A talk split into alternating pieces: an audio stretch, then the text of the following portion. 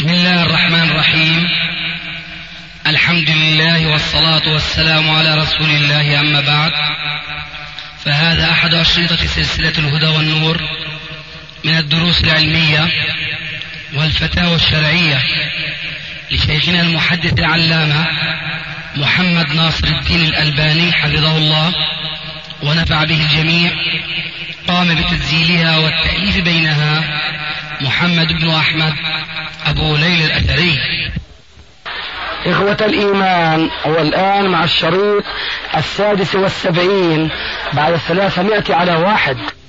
هل الهدي للمتمتع يكفيه عن الأضحية كما قال ابن القيم؟ يكفيه في الحج أما أهل أهله في بلده لا بد لهم كما قلنا مرارا من أضحية. أما إذا لم يكن له أهل وحج هو بنفسه أو معه أهله فلا شك والحالة هذه أن الهدي يكفيه أما إذا حج مثلي مثلا وترك أهله في بلده فعليهم أضحية ولا بد. هل يوجد في الشوط الأخير من السعي دعاء كما هو في أوله؟ يعني التكبير مثلا والتهليل نعم. وما بينهما من الدعاء نعم. الجواب هذا الذي يحضرني هل يجوز الرمي بالليل في أيام التشريق لأي أحد أم أنه لا يجوز إلا عند الضرورة قلنا آنفا في المسجد من وجد حرجا في الرمي قبل المساء ودخول الليل فله ذلك. أما دون أن يشعر بأي حرج فلا يجوز. ما هو ما هي مدى درجة صحة حديث إن الله يبغض كل جعظري جواظ؟ آه ما أذكر والله هذا من الأحاديث اللي صححتها ثم رجعت عنها. هو كذلك. هو كذلك. كنا ذكرنا في بعض الكتب أنه صحيح ثم تبين لنا فيه علة فرجعنا عن تصحيحه إلى تضعيفه نعم. وكذا حديث من حافظ عليها كانت له نورا وبرهانا ونجاة يوم القيامة نعم. إلى آخره. هذا معروف الضعف عندنا منذ أن عرفنا إسناده.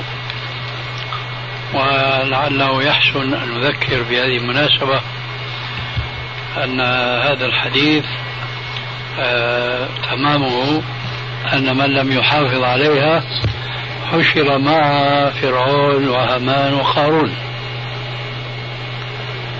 ونحن نستنكر متن هذا الحديث بعد الاستناد إلى تضعيفه من حيث إسناده.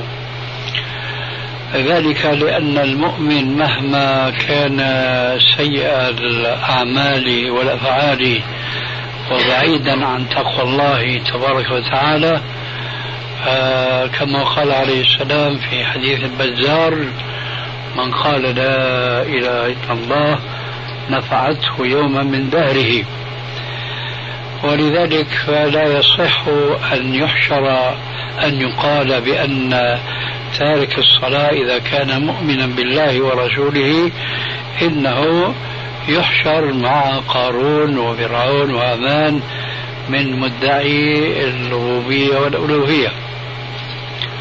ويجب أن يعلم كل طالب علم أنه قد ثبت في الصحيحين في حديث الشفاعة أن المؤمنين الذين يدخلون الجنة يقولون يا ربنا لا نرى معنا في الجنة إخوانا لنا كانوا يصلون معنا ويصومون معنا ويحجون معنا. فيقول الرب تبارك وتعالى انظروا فمن وجدتم منهم فأخرجوه من النار فيخرجون خلقا كثيرا. ما صفة هؤلاء الذين آه، تشفع فيهم المؤمنون الصالحون السابقون إلى دخول الجنة إنهم كانوا يصلون ويصومون ويحجون ولكنهم كانوا يرتكبون بعض المعاصي والذنوب فدخلوا بسببها النار فجاءت شفاعة الشافعين فأخرجتهم. فيقولون يا ربي لقد أخرجنا من أمرتنا. فيقول الرب تبارك وتعالى فأخرجوا من النار من كان في قلبه دينار من الإيمان. فيعودون ويخرجون من كان في قلبه دينار وزن دينار من إيمان. فيخرجون خلقا كثيرا. ترى هل هؤلاء من المصلين؟ ليسوا من المصلين لأن المصلين أخرجوا في الوجبة الأولى. ثم بعد أن يخرجوا خلقا كثيرا يقولون يا ربنا قد أخرج أخرجنا من أمرتنا. فيقول أخرجوا من النار من كان في قلبه وزن نصف دينار من الإيمان فيخرجون خلقا كثيرا وهكذا حتى يأتي في نهاية الحديث فيقول الرب تبارك وتعالى شفعت الملائكة شفعت الأنبياء وشفع المؤمنون ولم يبقى إلا شفاعة أرحم الراحمين. فيأمر بإخراج من لم يعمل خيرا قط. من لم يعمل خيرا قط يعني لم يصلي لم يزكي وإنما في قلبه مثقال ذرة من إيمان. هذا الحديث في الصحيحين وهو نص صريح في أن على شيئين اثنين. الأول أنه لا يجوز قارن المسلم تارك الصلاة مع هامان وقارون وفرعون. والشيء الثاني أنه لا يجوز تكفير تارك الصلاة إذا كان يؤمن بها ولا ينكر شرعيتها. وإنما تركها كسلا. هذا نص صريح ينبغي أن يرفع الخلاف الضارب أطنابه اليوم بين كثير من الناس وبخاصة أن جماهير العلماء لا يرون تكفير تارك الصلاة كسلا.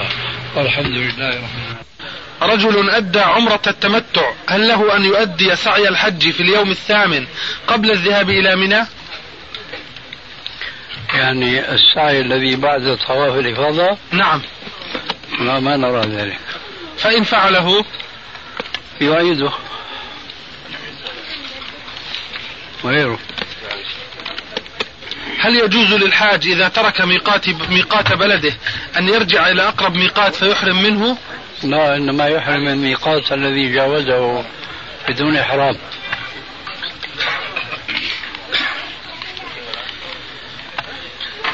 حديث سياحة أمة الجهاد في سبيل الله. ما هي درجة صحته؟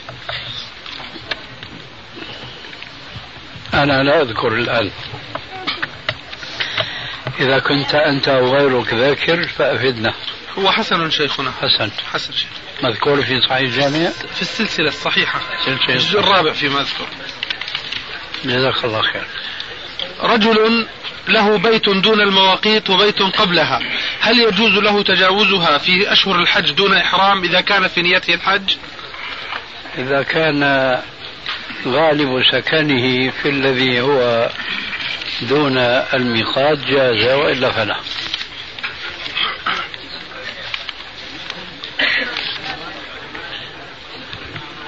حديث يا ابن آدم تفرغ لعبادتي أملأ قلبك غنى. درجة صحته. كذلك لا أذكر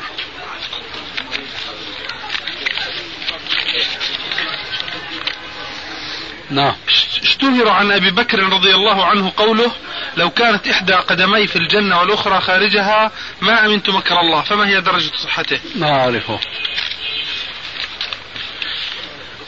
لماذا يحرم بعض العلماء الأناشيد الإسلامية مع أن النبي صلى الله عليه وسلم يقول لحنظلة ساعة فساعة؟ لأنها نسبت إلى الإسلام فصارت عبادة. وكل عبادة لم يتعبدها أصحاب رسول الله صلى الله عليه وآله وسلم فلا تعبدوها. ولو أنهم جعلوها أناشيد عادية ومعانيها لا تخالف الشريعة الإسلامية ما أحد ينكرها عليهم. لأن الشعر المباح كما جاء في الحديث الصحيح الشعر كلام فحسنه حسن وقبيحه قبيح فإذا كان الشعر كلاما عاديا فله حكم العاديات أي أنه مباح. أما حينما ينسب إلى الإسلام وإلى أنه من ما جاءت بالشريعة الإسلامية فمن هنا يأتي الإنكار. نعم. ما هو الدليل الصحيح في جواز رمي الجمرات بالليل؟ هو الحديث المعروف الصحيح أن رجل لما سأل النبي صلى الله عليه وسلم قال رم ما رميت إلا وقد أمسيت. قال له عليه السلام لا حرج.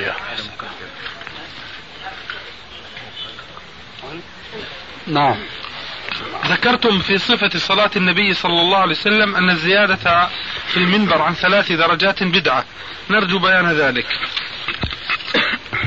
ما يحتاج الأمر إلى بيان لأن منبر الرسول عليه السلام كان له ثلاث درجات فقط. والزيادة على ما كان عليه الرسول عليه السلام من النزهة والنور في مثل هذه الأمور يدخل في باب كل بدعة ضلالة وكل ضلالة في النار.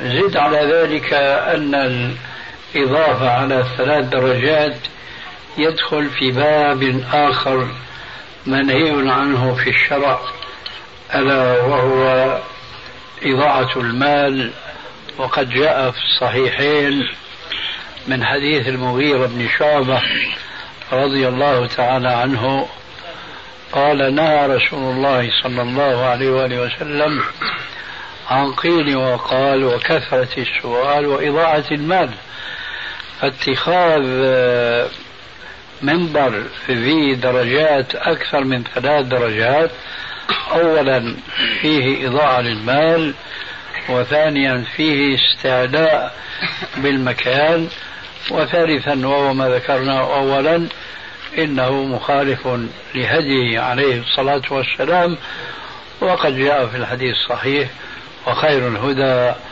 هدى محمد صلى الله عليه وآله وسلم. يضاف إلى ذلك أخيرا أنه يقطع الصف الأول وقد يقطع أيضا إذا إذا زادت الدرجات قد يقطع الصف الثاني أيضا. والنبي صلى الله عليه وآله وسلم قد صح عنه قوله من وصل صفا وصله الله ومن قطع صفا قطعه الله فالذي يتخذ وسيلة يقطع بها الصف شمله هذا الوعيد ومن قطع صفا قطعه الله. ولذلك فلا يجوز زيادة على المنبر على ثلاث درجات في المنبر على ثلاث درجات. ولا بد لي بهذه المناسبة أن أذكر أن الناس سبحان الله اليوم آه، صاروا على طرفي نقيض. فمنهم من يبني المنبر الطويل والطويل جدا حتى يقطع أكثر من صف واحد كما ذكرنا. ومنهم من تنبه لخطأ هذا المنبر الطويل فلم يقنع بمنبر الرسول عليه السلام المتواضع ذي الثلاث درجات فاحتال على ذلك بأن بنى شرفة وبنى درجا طويلا في داخل الجدار فيصعد بواسطة هذا المنبر إلى تلك الشرفة كل هذا من باب التكلف ومن باب المباهاة. في بناء المساجد وقد جاء عن النبي صلى الله عليه وآله وسلم قوله لا تقوم الساعة حتى يتباهى الناس بالمساجد. رواه ابن عباس عن النبي صلى الله عليه وآله وسلم ثم قال مقتبسا أو بإيقاف منه عليه السلام لا تزخرفنها. كما زخرفت اليهود والنصارى. المنابر التي تبنى اليوم فيها تصنع وفيها تكلف لا مسوغ له اطلاقا. وكل مسجد آه، يراد بناؤه على سنة النبي صلى الله عليه وآله وسلم. فينبغي أن يكون جداره القبلي مسحا خطا مستقيما ليس فيه طاق أي محراب ثم ليس فيه منبر طويل وإنما هو ثلاث درجات كما ذكرنا. فيقف الإمام بجانب هذا المنبر السني وذلك يغنيه عن كل شيء من المحدثات وأنتم تعلمون جميعا. أن المحدثات كلها ضلالات وقد حذر منها النبي صلى الله عليه وسلم في حديث الإرباض المعروف وإياكم ومحدثات الأمور فإن كل محدثة بدعة وكل بدعة ضلالة وفي الحديث الآخر وكل ضلال في النار. نعم. علق البخاري في صحيحه عن عطاء أن من فاتته صلاة العيد صلى ركعتين. وذكر الحافظ ابن حجر في فتح الباري عن ابن مسعود أن من فاتته صلاة العيد يصلي أربعا وصحح سنده. فما هو الراجح عندكم؟ الصلاة تقضى كما فاتت. هذه قاعدة فقهية. أخذت من بعض المفردات من السنة النبوية. الصلاة تقضى كما فاتت. فصلاة العيد ركعتان فمن فاتته بعذر شرعي صلاها ركعتين كما يصليها الإمام. أما صلاة أربع فذلك رأي ولا نجد له ما يشهد له من السنة. ألا يشكل على هذا ما ذكرتموه في الأجوبة النافعة في المتخلف عن صلاة الجمعة أو من فاتته الجمعة؟ لا. لا يشكل. لأن ذاك نص خاص في الجمعة. ولا يقاس أيضا عن بعض السلف آثار. لا في حديث مرفوع في مرفوع. ولا هذه الأسئلة التي عندنا. طيب هات ما عندك. بالنسبة في سؤال حول مسألة أن الذي لم يف... ما طاف طواف الإفاضة الزيارة في يوم النحر عاد حراما.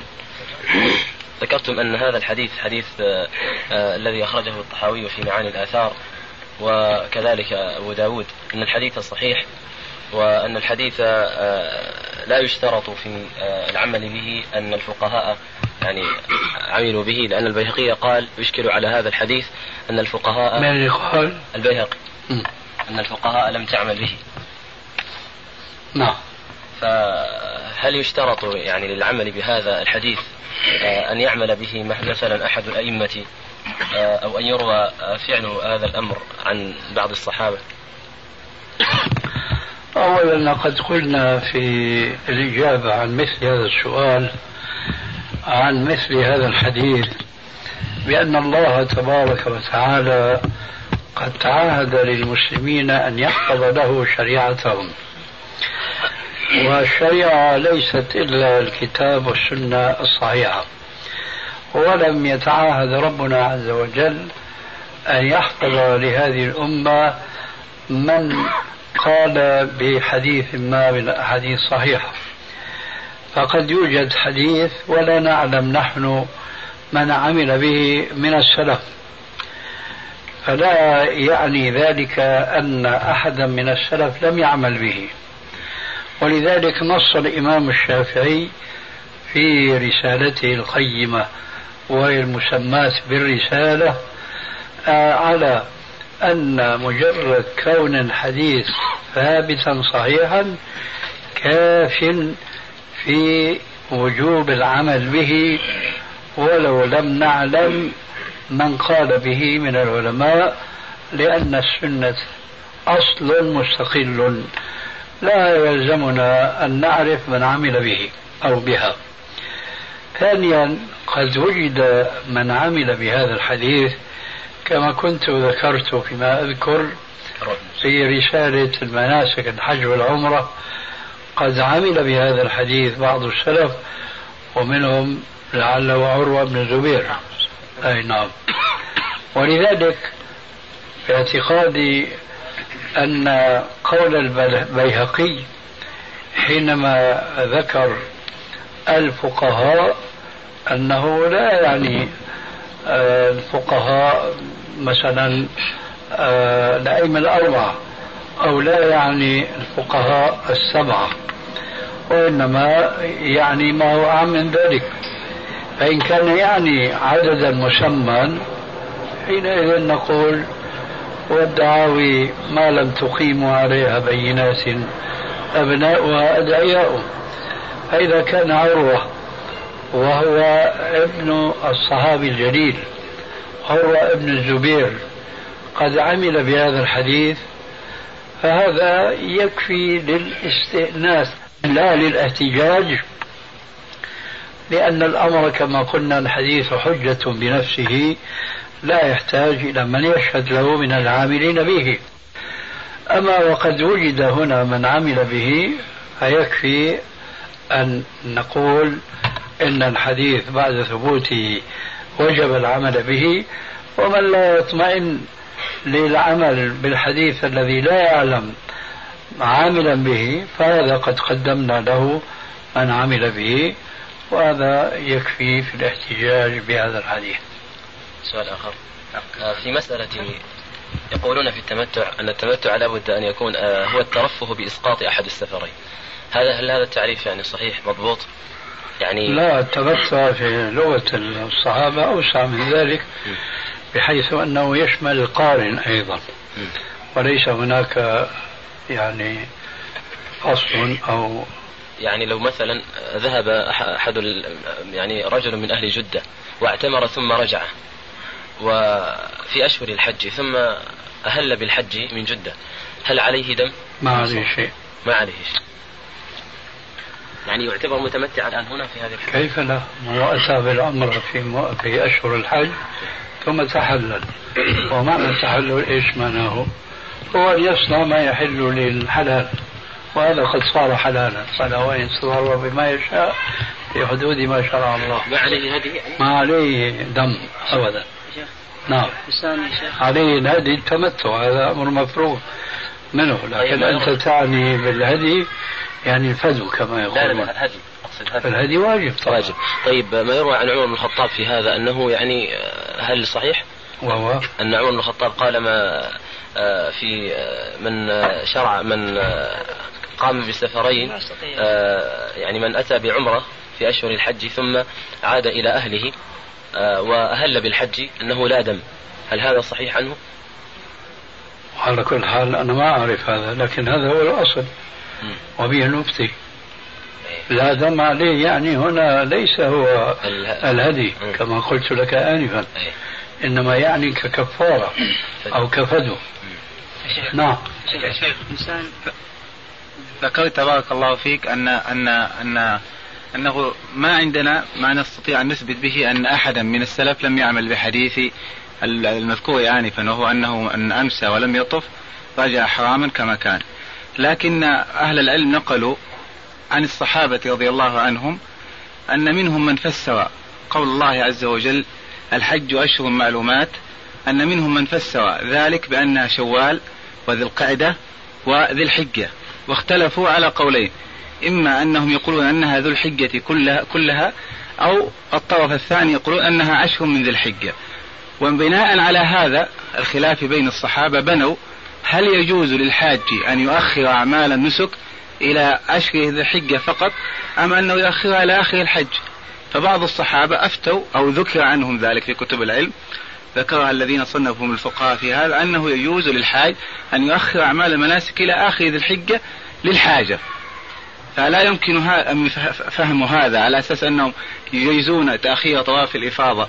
إلى آخر ذي الحجة؟ طيب أنت ذكرت أنه في المسألة قولين. نعم.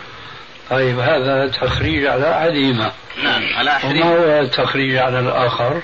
تخريج على الآخر أنه يطوف يوم يوم العيد. طيب هذا هو. هذا أولا. نعم. ثانيا آه، متى تنتهي أعمال الحج؟ على القولين إما أن تنتهي يوم النحر يوم النحر أقصد يوم النحر أو أنها تنتهي في آخر ذي لا أقول أولا إجماعا. متى تنتهي؟ اتفاقا. ألا تنتهي في اليوم الرابع من يوم العيد؟ بلى. طيب. الذي يريد أن يزيد على ذلك ينبغي أن يأتي بحجة ملزمة. وهذه الحجة مأخوذة ولا يوجد إلا ذلك القول. وهو قول معارض بقول آخر.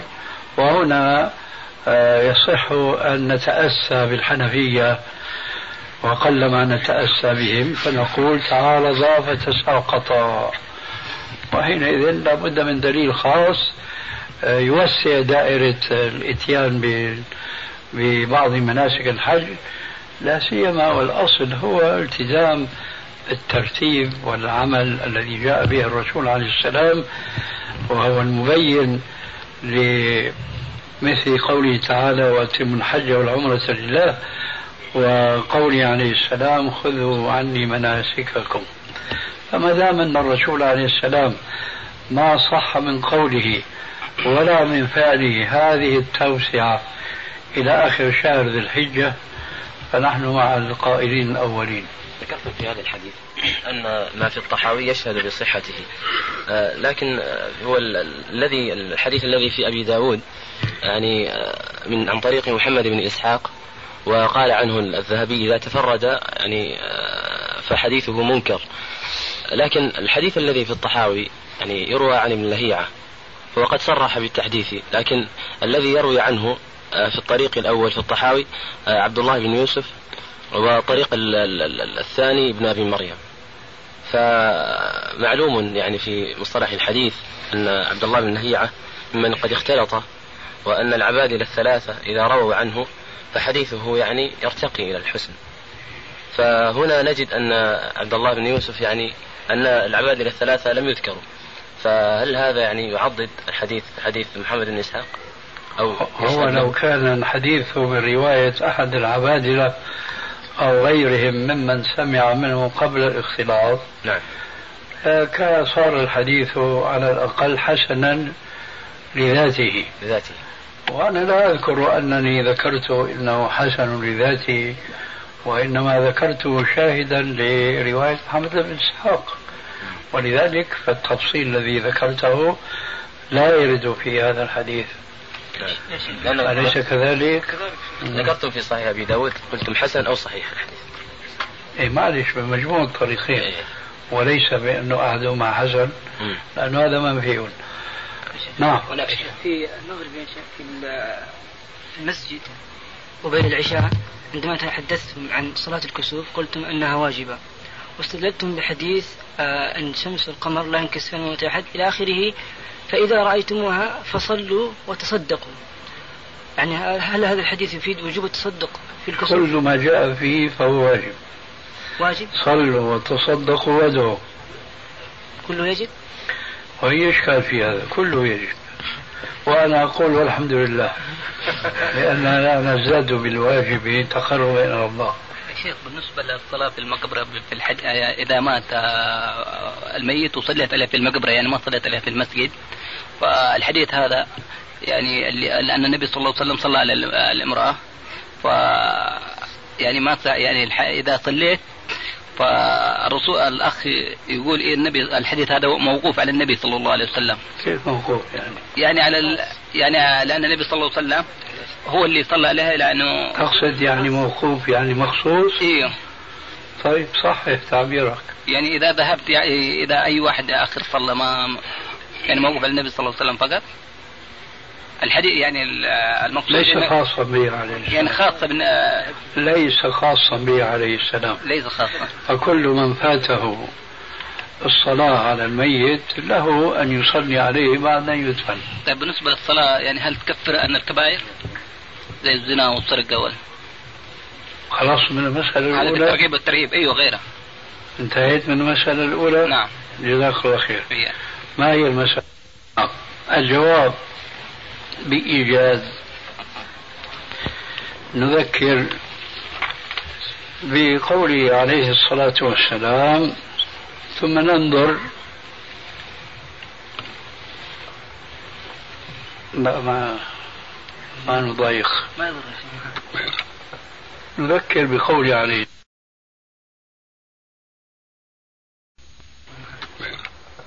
نذكر بقوله عليه السلام. وأنتم معشر العرب تساعدوننا على فهم هذا الحديث. هل دلالته عامة أم خاصة؟ مثل الصلوات الخمس كمثل نهر جار غمر أمام دار أحدكم يغتسل فيه كل يوم خمسة مرات أترونه يبقى من درنه على بدنه شيء؟ قالوا لا يا رسول الله.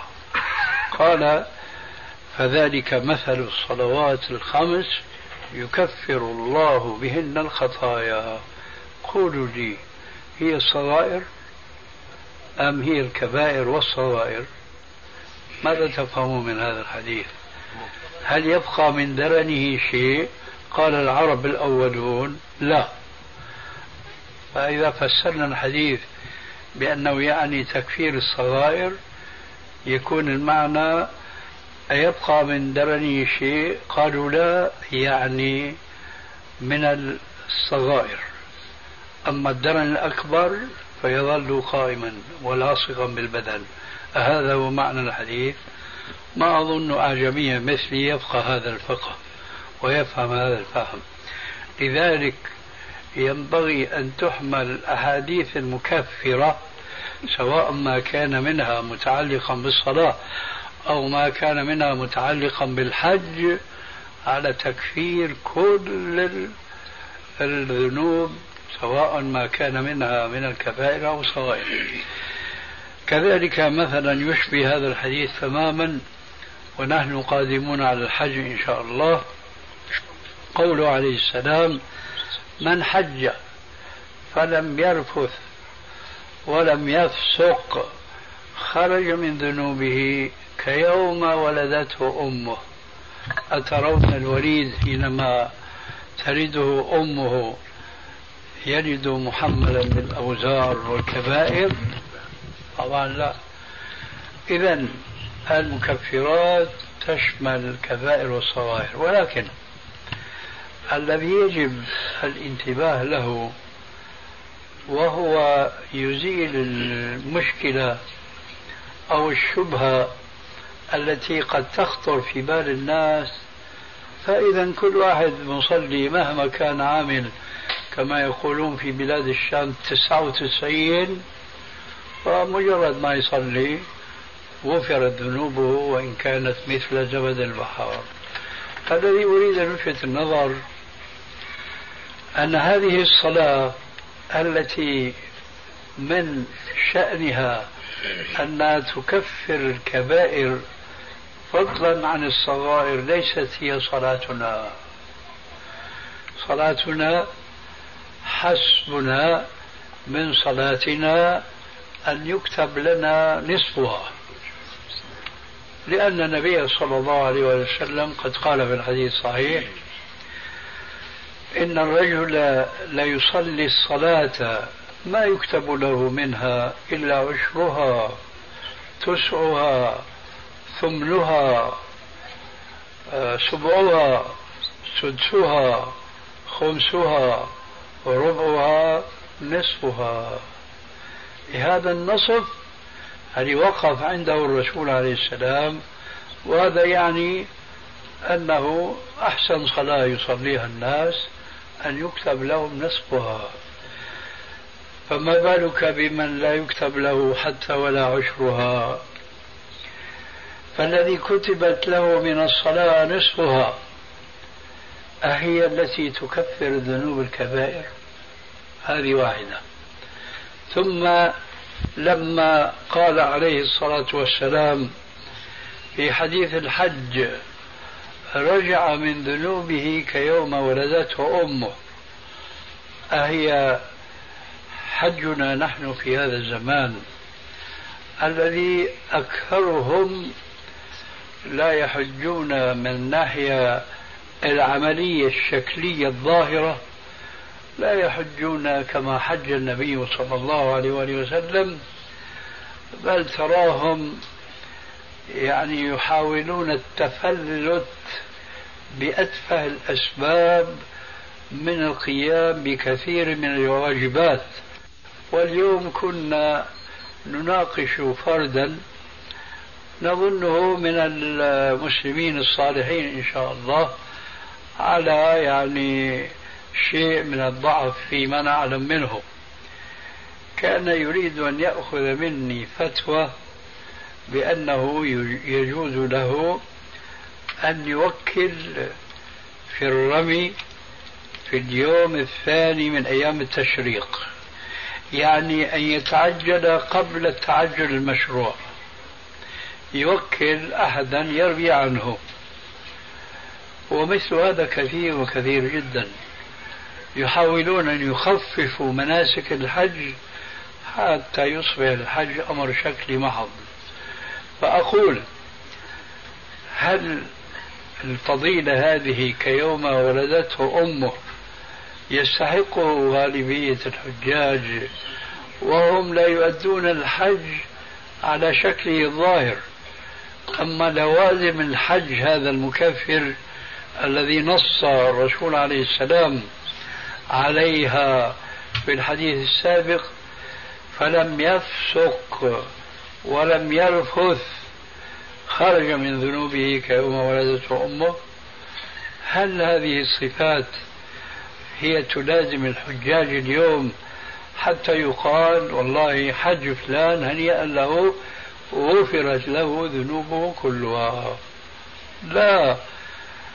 بالكاد كثير من الناس أن يقال لهم حجك مقبول. وإلا فالآخر القسم الآخر من الحجاج وقد سمعنا منهم من يسب الدين ويسب رب العالمين وهو يزعم أنه خرج حاجا في سبيل الله. أمثال هؤلاء آه، نقول لهم بلسان ذلك الشاعر العربي القديم وما حججت ولكن حجت الإبل.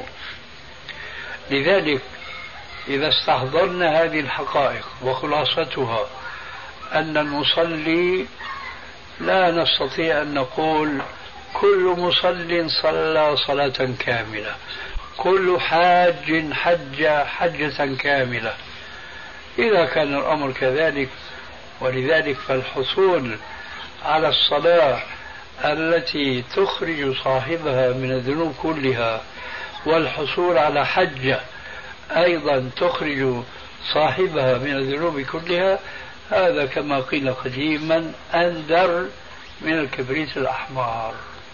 فإذا تبقى هذه الأحاديث من أحاديث كما هو معلوم من الترغيب والترهيب تحض المصلي على أن يحاول أن يحسن الصلاة وأن يتقنها لعله يحظى بتلك المغفرة. أما أن يجزم بأنه حصل المغفرة هذا أمر أبعد ما يكون منالا. كذلك الحج. يحاول الإنسان أن يدخل الحج إلى بيت الحرام بيت الله الحرام ويتجنب الفسق والرهب والكلام المؤذي والجدل. كما قال تعالى الحج أشهر معلومات. فمن فرض فيهن الحج فلا رفث ولا فسوق ولا جدال في الحج. فالذي يحاول أن يتقن حجته على هذا المنوال مما جاء في الآية في الحديث فلعله يرجع كما ولدته أمه نظيفا من كل ذنوب. خلاصة كلام يرجى أن يكفر كل الذنوب من صلى وأتقنها ومن حج حجة وأتقنها. الاستثناء الذي في الجمعة إلى الجمعة ورمضان إلى الحديث. آه، إذا اجتنبت الكبائر ألا يطرد على بقية الأحاديث؟ يعني هذا قيد يشبه قيد صلاة الجماعة تفضل صلاة الفذ بخمس ثم جاء بسبع. فالله يتفضل على عباده بما يشاء. كان هذا قبل أن يقول رجع من ذنوبه كيوم ولدته أمه أو لم يبق من درنه على بدنه شيء. نعم. إنسان حج متمتعا. وما استطاع أن يهدي. وما استطاع أن يهدي. وشق عليه الصيام في الحج. ماذا يفعل؟ يعني شق عليه الصيام تعني لا يستطيع الصيام لأنه إذا صام يتعب ولا يستطيع يؤدي مناسك الحج. وسبعة أيام يستطيع أنه يستطيع نعم. يضمها إلى تلك. يضمها لأنها ليست هذه الثلاث أيام بأفرض إذا صح التعبير من صيام رمضان. نعم. ومعلوم فمن كان منكم مريضا أو على سفر عدة من أيام أخر. فإذا كان سؤالك دقيقا وكان فعلا هذا متمتع لا يستطيع أن يصوم ثلاث أيام في الحج فإذا يضمها إلى السبع فيصوم عشرا حينما يرجع إلى أهله. بالنسبة لي أنا شايف الجبهة هم بس متحركة أما هالناح ما في حركة. شو السبب؟ مع الحالة البركة. هل يشترط لوجوب الحج على المرأة؟ وجود محرمها هو زوجها ومن تحرم عليه على التأبيد بنسب أو سبب مباح لو أن المرأة يعني حجت من غير ما محرم آه، هل حجها صحيح مع الإثم أم حجها باطل؟ حجها صحيح مع الإثم. شيخ إنسان حج مفردا وفي أثناء الحج علم أن التمتع لا بد منه ماذا عليه أن يفعل؟ يفسخ. يفسخ. يفسخ الحج. إيه؟ ويقلبه إلى عمره ثم في اليوم الثامن من ذي الحجة يلبي بالحج ثم يهديه أو يصوم. شيخ إذا كان في يوم النحر في يوم النحر مثلا قرأ هذا المسألة بحث وعلم أن التمتع يعني لا بد منه ماذا عليه؟ في يوم النحر؟ نعم. ما فاته الركب. فإن تيسر له يعيده مرة أخرى في عام قابل إن شاء الله. حجه صحيح يعني؟ حجه صحيح وإثمه على من أفتاه هل على الحاج إذا إذا كان يريد أن يهدي آه، أن يمسك عن شعره وظفره تشبها بغير الحاج الذي يضحي الذي يريد أن يضحي؟ يلا صار 11 الذي يريد أن يضحي. الحاج الذي يريد أن يهدي الذي عليه هدي. هل يمسك عن شعره وظفره؟ آه، تشبه يعني كمثل الذي يريد أن يضحي. هو متمتع بالعمرة إلى الحج. نعم متمتع. يمسك إلا ما لابد منه من التحلل من العمرة. نعم. وسبحانك اللهم بحمدك أشهد أن لا إله إلا أنت أستغفرك وأتوب إليك. أرأيت عمرتنا هذه؟ لعامنا هذا أم للأبد؟ قال بل لأبد الأبد.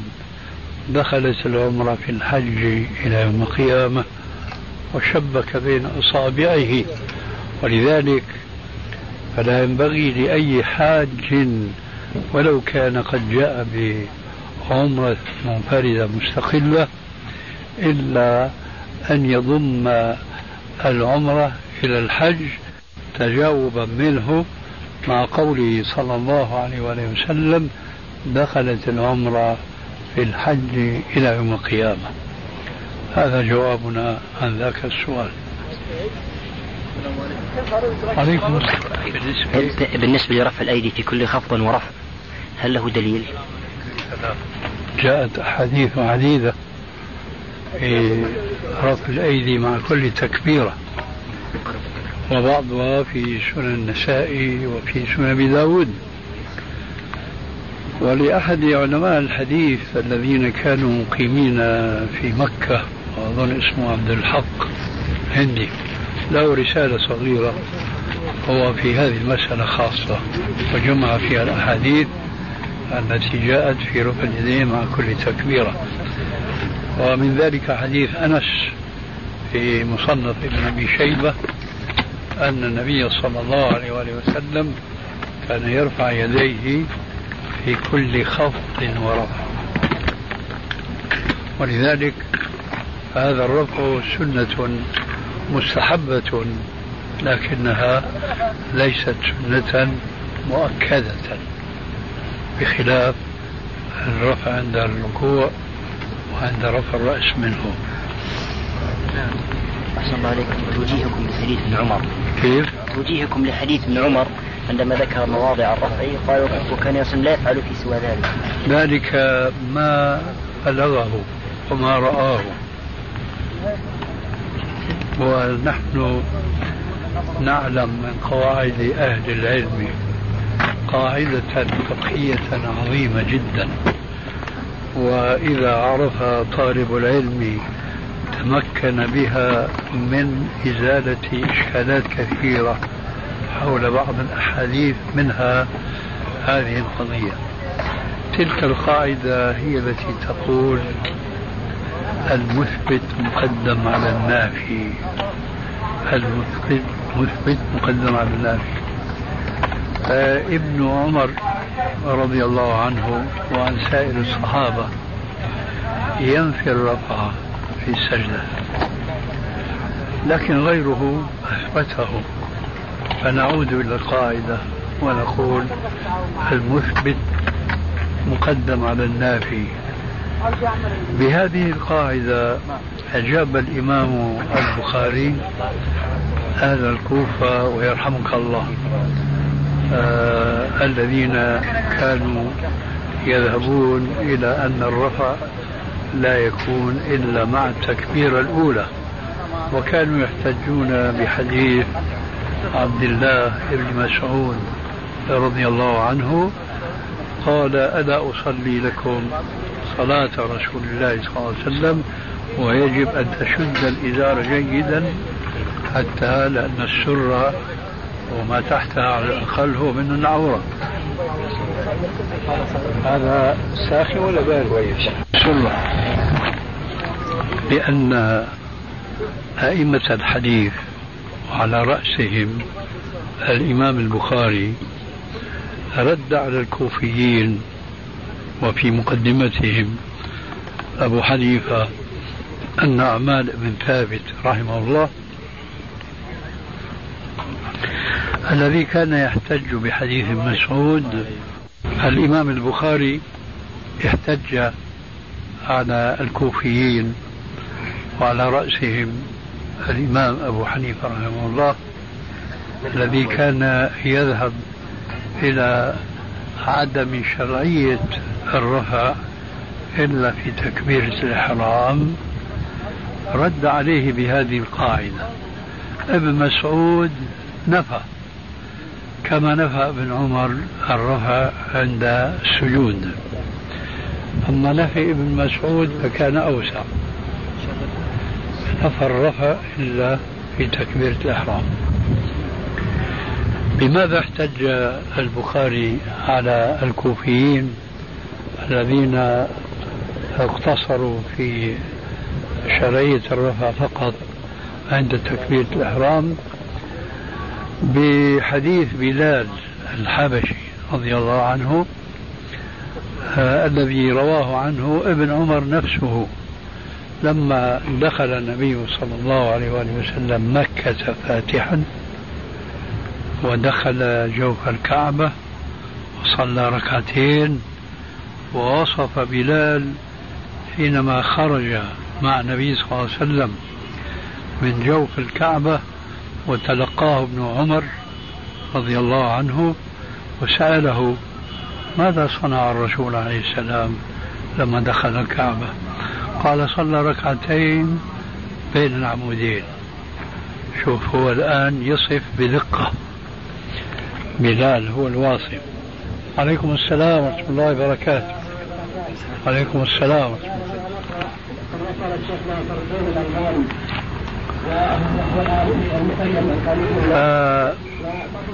قال له صلى ركعتين بين العمودين وبينه وبين جدار الكعبة ثلاثة أذرع. دليل أنه كان يلاحظ صلاة النبي صلى الله عليه وسلم بدقة. هذا حديث ابن عمر عن بلال يثبت أن الرسول صلى ركعتين في جوف الكعبة. أما ابن عباس فيقول إنه لم يصلي في جوف الكعبة وإنما خارجها قال البخاري فبماذا أخذ أهل العلم أبحديث بلال المثبت لصلاة الرسول عليه السلام ركعتين أم لحديث ابن عباس الذي نفى هاتين الركعتين قال البخاري أخذوا بحديث بلال لقاعدة المثبت مقدم على النافي وهذه قاعدة مضطردة بشرط أن يثبت ما أثبته المثبت أن يثبت إلينا بالسند الذي تقوم به الحجة. وعلى ذلك فابن عمر رضي الله تعالى عنه أثبت لنا الرفع عند الركوع والرفع منه فزدناه على حديث ابن مسعود الذي أثبت الرفع فقط عند تكبيرة الإحرام. ثم أنس بن مالك وأبو آه ابن الحويرث مالك بن الحويرث وغيره من الصحابة أثبتوا الرفع في غير الموطنين اللذين زادهما ابن عمر على ابن مسعود. فوجب علينا أن نأخذ الزيادة على رواية ابن عمر كما أخذنا زيادته على رواية ابن مسعود.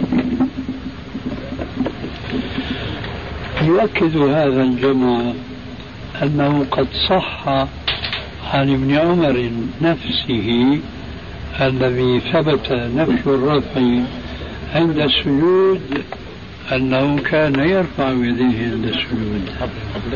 ويقول أهل العلم وهذا من إنصاف الصحابة وعدم وقوفهم عندما وصل إليه علمهم بل كان بعضهم يستفيد من علم بعض.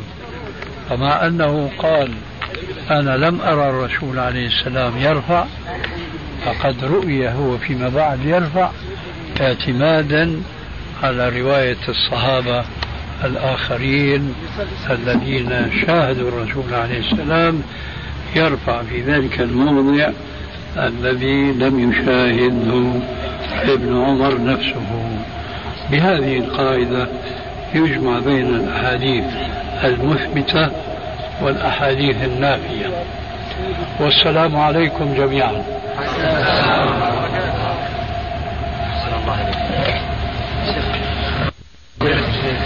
نعم بالنسبة لأهل مكة هل يشرع لهم؟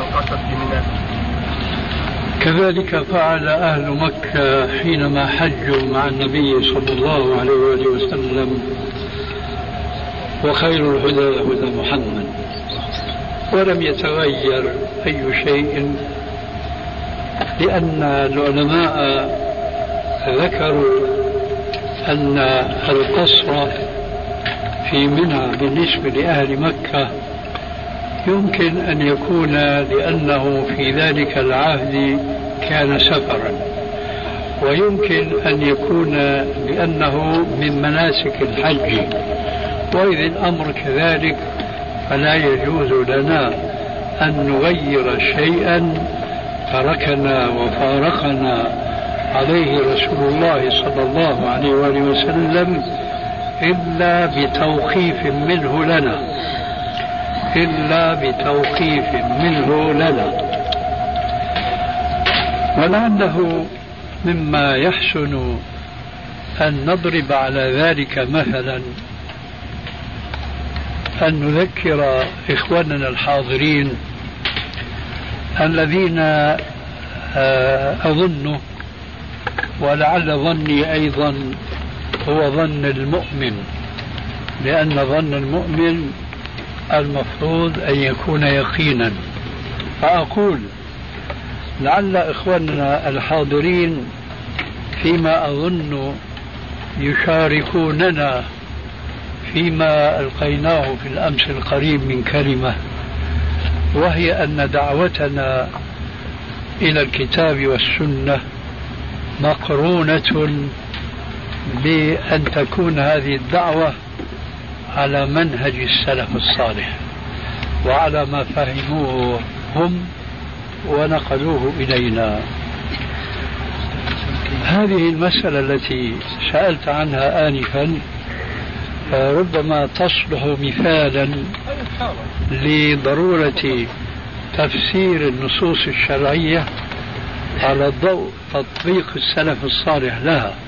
لكني أردت أن أذكر إخواننا الحاضرين بمثال يتكرر مع المسلم كل يوم ما شاء الله مرات ومرات كثيرة ومع ذلك فأكثر الناس عنه غافلون. لا أحاشي ولا أستثني حتى كثيرا من إخواننا أهل الحديث أو أتباع السلف الصالح. ما هي؟ لقد روى الإمام البخاري ومسلم في صحيحيهما من حديث عبد الله بن مسعود رضي الله عنه قال علمني رسول الله صلى الله عليه وآله وسلم التشهد في الصلاة وكفي بين كفيه. وذكر التشهد المعروف بتشهد ابن مسعود التحيات لله والصلوات والطيبات السلام عليك أيها النبي ورحمة الله وبركاته. السلام علينا وعلى عباد الله الصالحين.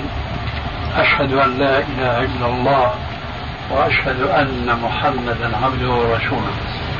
هذا هو تشهد ابن مسعود لكنه رضي الله عنه لحرصه في تبليغه العلم النافع إلى المسلمين أدخل جملة معترضة حينما وصل إلى قوله أن النبي صلى الله عليه وسلم علمه السلام في التشهد السلام عليك أيها النبي.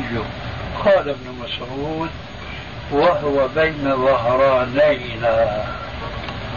فلما مات قلنا السلام على النبي.